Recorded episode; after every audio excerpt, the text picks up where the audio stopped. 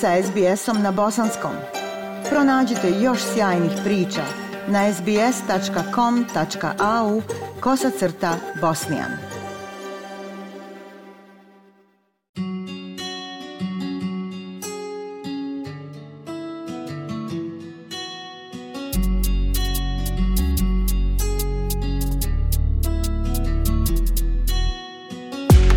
Slušate SBS program na bosanskom. U narednim minutama govorimo o sve većim imovinskim razlikama među Australcima.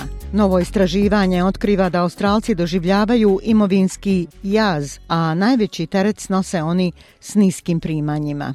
Zagovornici pozivaju na izjednačavanje terena, a dobrotvorne organizacije upozoravaju da ako se hitno nešto ne preduzme, to će u konačnici uticati na budućnost djece iz domaćinstava s niskim primanjima. Prilog Omoha Beloa. Australija je četvrta najbogatija zemlja na svijetu, ali još uvijek ima previše ljudi bez osnovnih životnih sredstava. Zemlja je doživjela porast nejednakosti u imovinskom stanju u posljednjih 20 godina, a oni koji imaju najmanje izvukli su deblji kraj. Prosječno bogatstvo s najviših 20% raslo je četiri puta brže od najnižeg. Profesorica nauke sa Univerziteta Novi Južni Vels Karla Treloar kaže da je nejednakost u bogatstvu pogađa sve. International evidence shows us that equality, more equal societies have better results on things that really matter to us. Mental health, Institut National Evidence pokazuje nam da društva sa većom ravnopravnošću imaju bolje rezultate u stvarima koje su nam zaista važne, kao što su mentalno zdravlje, očekivani životni vijek, smrtnost novorođenčadi, gojaznost djece, sve stvari koje nas određuju kao zdravo ili ne tako zdravo društvo, u kojem trošimo puno vremena i truda i novca pokušavajući popraviti stanje. Nejednakost je također važna za ekonomski rast. Nejednakost koči ekonomski rast, a kada su bogatstvo i moć koncentrisani u rukama nekolicine, to može potkopati povjerenje u vladu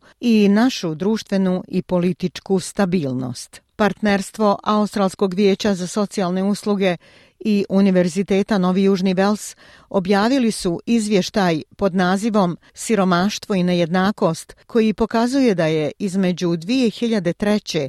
i 2022. godine najbogatijih 5% i 20% povećalo svoje bogatstvo za 86%, odnosno 82%. Ovo se poredi sa srednjih 20% sa povećanjem bogatstva od 61% i najnižih 20% sa samo 20% povećanja. Studija pokazuje da je disparitet bio podstaknut uglavnom penzijskim fondom koji je porastao za 155% zbog obaveznih ulaganja u nekretnine kao vid štednje. Cassandra Goldi je izvršna direktorica Australskog vijeća za socijalnu službu i ona kaže Wealth begets wealth. That's the reality. Bogatstvo rađa bogatstvo, to je realnost. I to nisu samo slučajni događaji. Oni su tu zbog politika koje su im bile posvećene u posljednjih 20 godina tokom ere procvata, kada je postojalo ogromno bogatstvo Australije, koja je jedna od najbogatijih zemalja u svijetu, ali u posljednjih 20 godina dozvoljavamo da naša socijalna pomoć za nezaposlene postane najniža među zemljama članicama Organizacije za ekonomsku saradnju i razvoj razvoj. U isto vrijeme ostvarili smo zapanjujuća smanjenja poreza i poreske olakšice za ljude koji su ulagači u nekretnine ili onim što je urađeno u penzionom fondu. Izvještaj o nejednakosti u Australiji za 2023. godinu pokazuje da je vladin pravovremeni odgovor na pandemiju COVID-19 smanjio nejednakost prihoda, ali samo privremeno.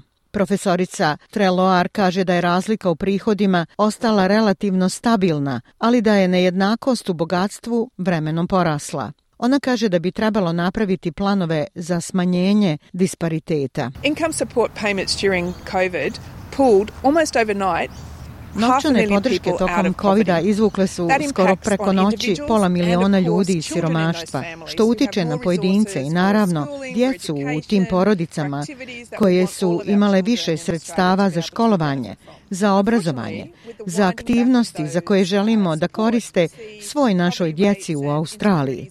Nažalost, povlačenjem te podrške vidimo da se stope siromaštva i nesigurnosti vraćaju na nivoje prije covid i proizvode ovu nejednakost u bogatstvu i prihodima koje vidimo u najnovijim rezultatima. Gospođa Goldi kaže da bi situacija mogla pojačati podjele između generacija, ljudi različitog porijekla i društvenih grupa. Ona vjeruje da se situacijom može bolje upravljati pristupačnim stanovanjem i pravednijim sistemom poreza i penzija. We're at the point now where people who are over 65, only one in five are paying any kind of income tax. Sada smo na tački kada samo svaka peta osoba starija od 65 godina plaća bilo kakvu vrstu poreza na dohodak. Penzija je veoma velikodušna za ljude koji imaju najviše, tako da je način rješavanja nejednakosti u Australiji vrlo jasan. Ovo nije slučajno. Riječ je o promjeni politike koja nam je potrebna veoma brzo, upravo sada moramo prvo popraviti adekvatnost novčane podrške za ljude s najnižim primanjima, jer smo pokazali kako preko noći možemo izvući preko pola miliona ljudi iz siromaštva. Ljudi u Australiji znaju da je siromaštvo nešto što se apsolutno može popraviti samo treba uraditi pravu stvar. I dobrotvorne organizacije pozivaju na hitan odgovor vlade na situaciju. Izvršna direktorica organizacije Mission Australia, Sharon Callister, kaže da iskustvo covid bila propuštena prilika za povećanje prihoda u siromašnim domaćinstvima i smanjenje rizika od beskućništva. In 2020, significant additional COVID U 2020. godini značajne dodatne isplate podrške zbog covid uspješno su povećale prihode domaćinstvima i smanjile nejednakost, trendove koji su se preokrenuli kada je plaćanje uklonjeno. Siromaštvo je glavni i temeljni strukturalni uzrok beskućništva, a ublažavanje siromaštva je suštinski dio prevencije i okončanja beskućništva zauvijek. Adekvatno povećanje prihoda je ključni odgovor politike. Podrška dohodku treba da čini ono zašta je dizajnirana, zaštititi ljude od siromaštva, a ne da ih osuđuje na njega. Izvršna direktorica Australijske istraživačke alijanse za djecu i mlade, Penny Dakin, kaže da će djeca rođena u domaćinstvima s niskim prihodima snositi uticaj financijskog stresa. Ono što znamo je da će ta djeca vjerovatno iskusiti ove uticaje i dalje u svojim životima u budućnosti. Mnogo je veća vjerovatnoća da će i sama doživjeti nezaposlenost. Velika je vjerovatnoća da će imati interakciju sa sistemom krivičnog pravosuđa i veća je vjerovatnoća da će doživjeti ista stanja koja su iskusili njihovi roditelji.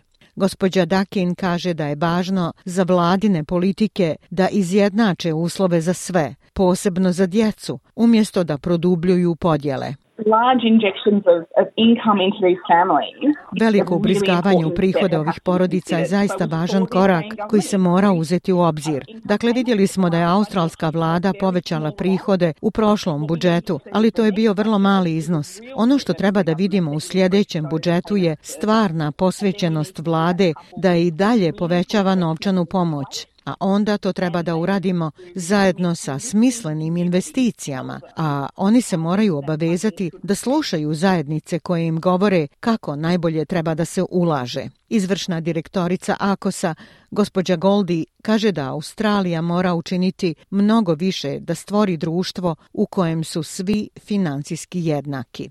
Ja sam Aisha Hadži Ahmetović. Ostanite uz SBS program na bosanskom jeziku like, share, comment.